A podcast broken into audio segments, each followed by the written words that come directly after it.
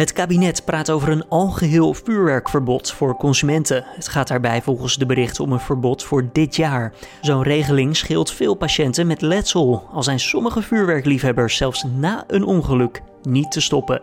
Dit wordt het nieuws. Uh, je hebt natuurlijk een hele kleine uh, fractie uh, van patiënten die zeggen van ja, ik, ik, wil zo snel mogelijk naar huis, want mijn halve schuur ligt nog vol en het moet voor twee uur vannacht afgestoken zijn. Oogarts Tjeerd de Faber van het Oogziekenhuis in Rotterdam hoor je daar over sommige patiënten die hij heeft behandeld, die na een vuurwerkongeluk zo snel mogelijk weer de boel wilden afsteken. Ik praat zo met hem verder over het mogelijke verbod. Hoe verlopen de diensten tijdens de jaarwisseling in het oogziekenhuis en welke invloed heeft een verbod mogelijk op de zorg? Dat er zo, eerst kort het belangrijkste nieuws van nu. Mijn naam is Julian Dom en het is vandaag dinsdag 10 november. Dit is de Dit wordt het nieuws middagpodcast. Het RIVM registreerde in de afgelopen week 43.621 positieve coronatests. Dat is een afname van 32% ten opzichte van vorige week. Tevens is het reproductiegetal, dat is de inmiddels welbekende R, voor het eerst sinds halverwege juni met zekerheid onder de 1 gezakt. Het RIVM kijkt vanwege de betrouwbaarheid naar het reproductiegetal van twee weken geleden. En de R lag toen op 0,91. Dat betekent dat 100 mensen met het coronavirus samen 91 anderen besmetten. Minister Arie Slop van Onderwijs komt terug op zijn opmerkingen van maandag dat de reformatische scholen een verklaring aan ouders van leerlingen mogen voorleggen waarin staat dat zij homoseksualiteit afwijzen. Slop noemt dat nu een brug te ver. Er zal volgens hem worden gekeken of de wet mogelijk moet worden aangepast. Een meerderheid van de Kamer wil dat het kabinet dit soort verklaringen namelijk zo snel mogelijk verbiedt.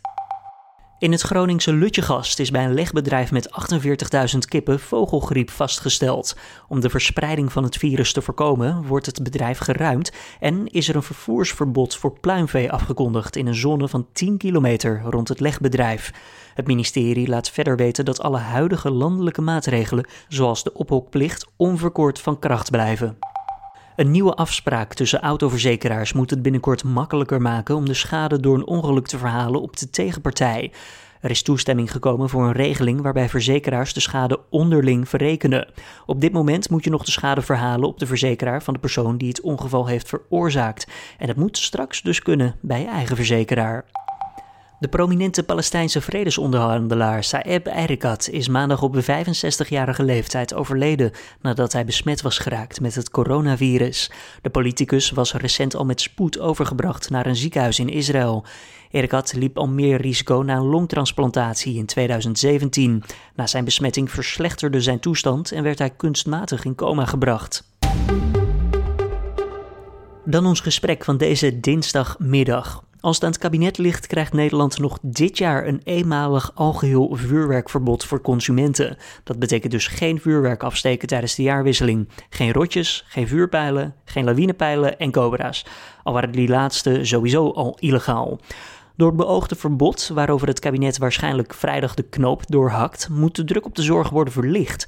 De spoedeisende hulp heeft het de spoedeisende hulp heeft momenteel namelijk haar handen vol aan de coronazorg en zit niet te wachten op honderden extra vuurwerkslachtoffers. Ik praat erover verder met Tjeerd de Faber. Hij is oogarts bij het Oogziekenhuis in Rotterdam. Meneer de Faber, er is al jaren discussie over de verkoop van vuurwerk voor consumenten. Als u nu kijkt naar dit voorstel eh, waarover gesproken wordt en wat dus op dit moment dus nog niet officieel is, is dit de regeling waar u al die jaren op heeft gehoopt? Ja, eigenlijk, uh, eigenlijk wel. Uh, is, wij als Nederlandse oogartsen strijden hier eigenlijk al bijna 13 jaar voor. En steeds meer van onze andere collega's, kinderartsen, jeugdartsen, handchirurgen, maar ook spoedeisende hulp, artsen, kanoartsen en longartsen. Die hebben zich daar eigenlijk de laatste vier, vijf jaar ook bij aangesloten. Uh, het is natuurlijk uh, ontzettend jammer dat uh, dit eigenlijk geforceerd wordt door zoiets verschrikkelijks als de coronacrisis. maar het, denk, ik denk wel dat als het kabinet wijs genoeg is, dat ze tot dit besluit komen om dit voor in ieder geval voor deze jaarwisseling van kracht te laten worden dat er een algemeen vuurwerkverbod op consumentenvuurwerk zal gelden in heel Nederland. Ja, laten we het even hebben over de vorige jaarwisseling. U was toen volgens mij, als ik het goed heb, ook aan het werk. hoeveel mensen heeft u voorbij zien komen? Ik heb er in de nieuwjaarsnacht in het Oogziekenhuis in Rotterdam 18 patiënten heb ik toen langs zien komen. En de daaropvolgende dagen natuurlijk ook nog andere patiënten uit andere regio's. Waar moeten we aan denken? Wat voor letsel lopen dit soort mensen op? Uh, de, in ieder geval de patiënten die bij u langs zijn gekomen toen. Ja, die bij mij langs uh, komen uh, in het oogziekenhuis zijn over het algemeen zijn dat oogletsels. Nou, daarvan weten we dat ongeveer de helft zijn dat omstanders.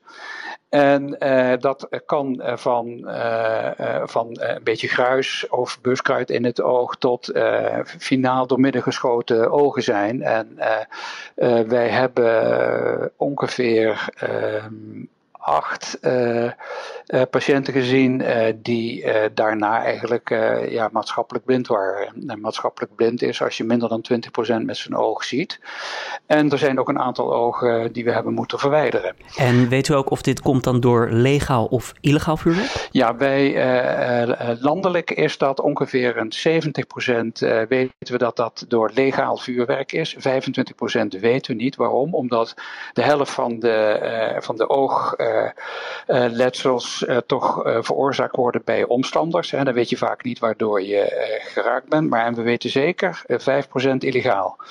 dus er is er nog een grijze marge tussen van die 25%, omdat die mensen het vaak niet zelf weten waardoor ze geraakt zijn. Hoe lang ligt iemand bij u op de tafel als ze uiteindelijk via zo'n spoedeisende hulp naar binnen komen, dan bij u binnen worden gebracht? Hoe lang bent u ermee bezig? Nou, dat hangt af van het, van het letsel, maar dat, dat, dat zijn vaak urenlange operaties omdat uh, punt 1 al dat buskruid moet eruit. Want dat buskruid is een soort uh, gootsteen op uh, ontstopper. En wat een oog eigenlijk van binnenuit helemaal kan kapot vreten.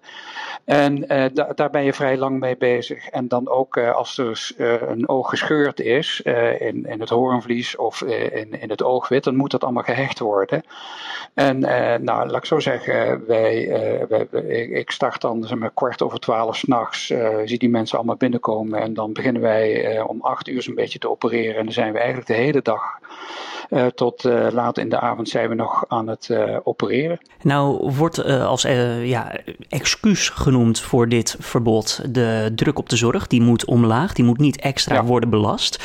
Zal ja. dit ook echt uitmaken daarvoor? Want het is één dag natuurlijk. misschien ligt iemand nog wat nou, extra dagen in bed. Ja, kunt, u, kunt u dat gewoon... Nou, ik, ik, laat ik zo zeggen, als je dat in perspectief moet, moet, moet plaatsen uh, dat is niet met een operatie klaar. Dat zijn mensen die, die vaak jarenlang zorg, zorg nodig hebben. En we weten dat, al, althans vorige jaarwisseling, waar, ging dat toch om 1300 vuurwerkletsels die op spoedeisende hulpen en in huisartsenposten komen.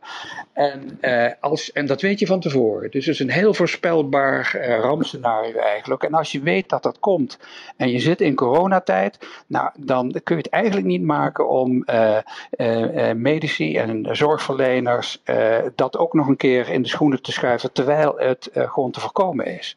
En ik. Uh, wens het kabinet dan ook heel veel wijsheid toe om uh, tot een goede beslissing in deze te komen.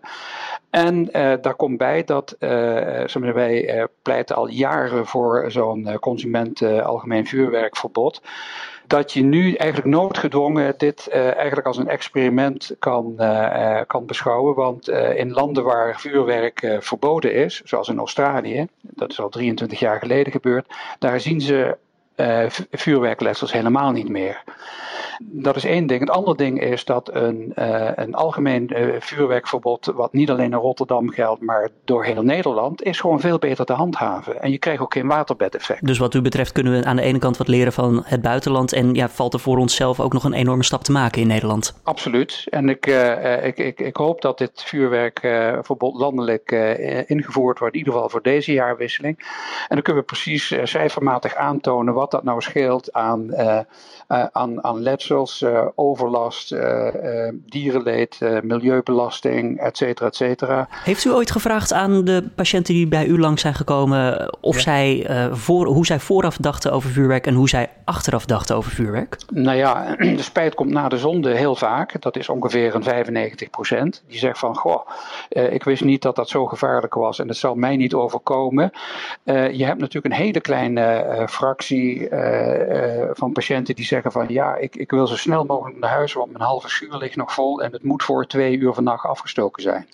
En dan zie je uh, dat dat uh, een, een, soort hype is van patiënten die misschien wel een oog kwijtraken, maar nee, dat vuurwerk dat moet op. En, en dan zeg ik van ja, soms moet je mensen ook tegen zichzelf beschermen. Tegen zichzelf beschermen, als we daarover verder gaan. Uh, er komt dan mogelijkerwijs hier in Nederland een eenmalig algeheel vuurwerkverbod, maar in het buitenland is het nog gewoon te koop. Mensen kunnen simpelweg naar Duitsland of naar België rijden. Ja. Heeft het wel nut op die manier? Nou, ik, ik, ik denk het wel. Ik denk dat als je, want dan moet je ook je realiseren dat als je dan zo nodig vuurwerk wil afsteken, terwijl iedereen zegt dat je het niet moet doen, ja, dan ben je toch behoorlijk antisociaal bezig.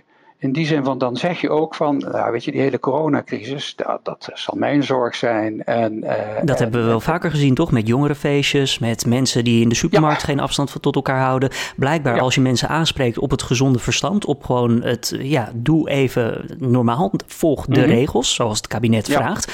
Dat wordt niet altijd opgevolgd. Daar moeten we gewoon heel eerlijk in zijn. Ja, nee, dat, dat klopt. En ik denk dat het ook uh, een kwestie van gewenning is. Kijk, toen, ik, toen wij dit 12, 13 jaar geleden riepen van je moet stoppen met uh, consumentenvuurwerk afsteken.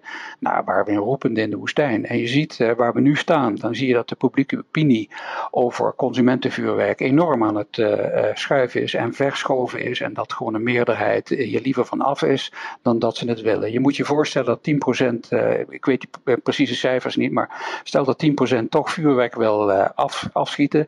Nou, die houden tijdens zo'n dag en helaas ook al weken en maanden daarvoor een, uh, een, een, samenleving gewoon in gijzeling. Je bent gewoon je eigen leven, zeker je eigen handen en ogen niet veilig als, uh, uh, als men toch consumentenvuurwerk blijft afschieten legaal of illegaal. En nog even, ja, wat wilt u zeggen tegen de mensen die nou denken van ja, je kan wel voor een verbod zijn, maar ik heb nog nooit iets meegemaakt, in mezelf niet, in mijn omgeving niet. Dit is totale onzin. Uh, ja, wat, waarom moet, ja. zou ik hier aan meedoen? Wat wilt u tegen nou, die personen zeggen die luisteren? Eh, eh, tegen die personen wil ik zeggen van uh, kom een keer kijken in, op zo'n spoedeisende hulp. Dat kan natuurlijk niet tijdens zo'n nacht, maar er zijn genoeg documentaires over gemaakt, onder andere ook hier in het Oogziekenhuis.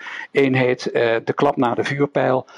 En, uh, en, dan zie je gewoon welke ellende er uh, ook uh, ervaren vuurwerkafstekers kan overkomen. Ik heb een man van in de 70 die zegt: Ik steek al 50 jaar vuurwerk af, mij is nooit iets gebeurd. En toch kan het fout gaan. En het is een illusie om te denken dat er veilig vuurwerk bestaat. veilig vuurwerk bestaat niet. Tjeerd de Faber, oogarts bij het Oogziekenhuis in Rotterdam. Hartelijk dank voor deze toelichting. Graag gedaan.